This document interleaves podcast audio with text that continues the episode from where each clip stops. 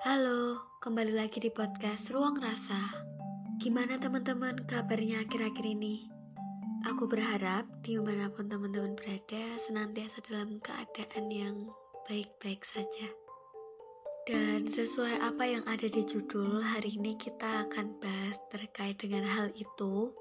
Karena jujur aja di FYP dan juga di sosial media aku tuh sering banget seliweran topik-topik yang terkait dengan judul yang mau aku angkat di episode kali ini. Ini agak sedikit berpihak cenderungnya seperti kayak kita dari point of view seorang perempuan atau seorang cewek.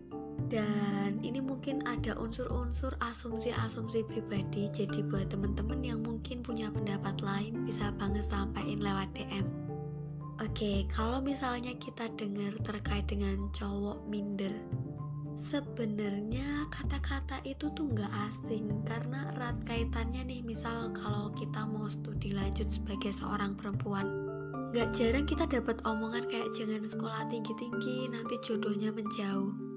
Jangan jadi wanita yang terlalu mandiri nanti nggak ada cowok yang berani deketin jangan terlalu sukses atau pinter dong. Nanti cowok-cowok pada minder nggak ada yang suka sama kamu.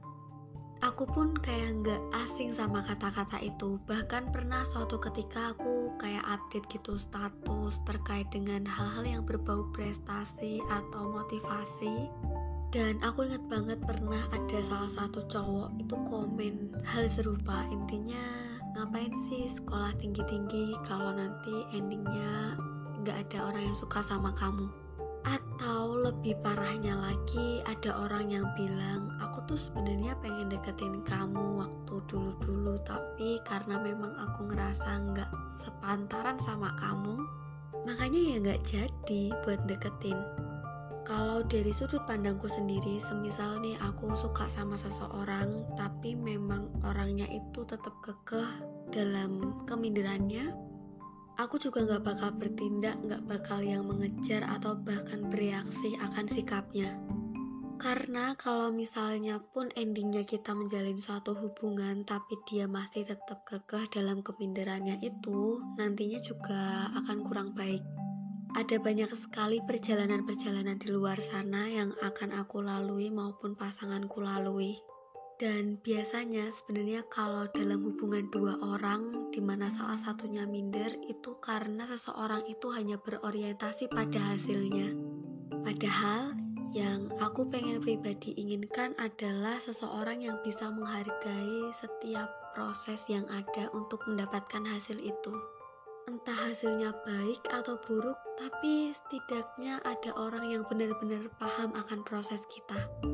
Dalam konteks yang lain, mungkin kebanyakan orang itu berpikir bahwa kadang-kadang kalau mau deketin seseorang, kira-kira dia bakal mau nggak ya sama aku yang biasa aja. It's mean kayak misalnya kita lagi mau deketin seseorang yang punya banyak prestasi, terus kita kayak ngerasa minder gitu ya mau mendekati. Padahal kalau menurutku cinta itu bukan hanya karena sepantaran atau kayak misal harus yang benar-benar sepadan mencapai hal yang serupa. Tapi cinta yang benar dan ketika kita sudah menemukan orang yang tepat, maka segala kekurangan kita tentu saja akan dapat diterima.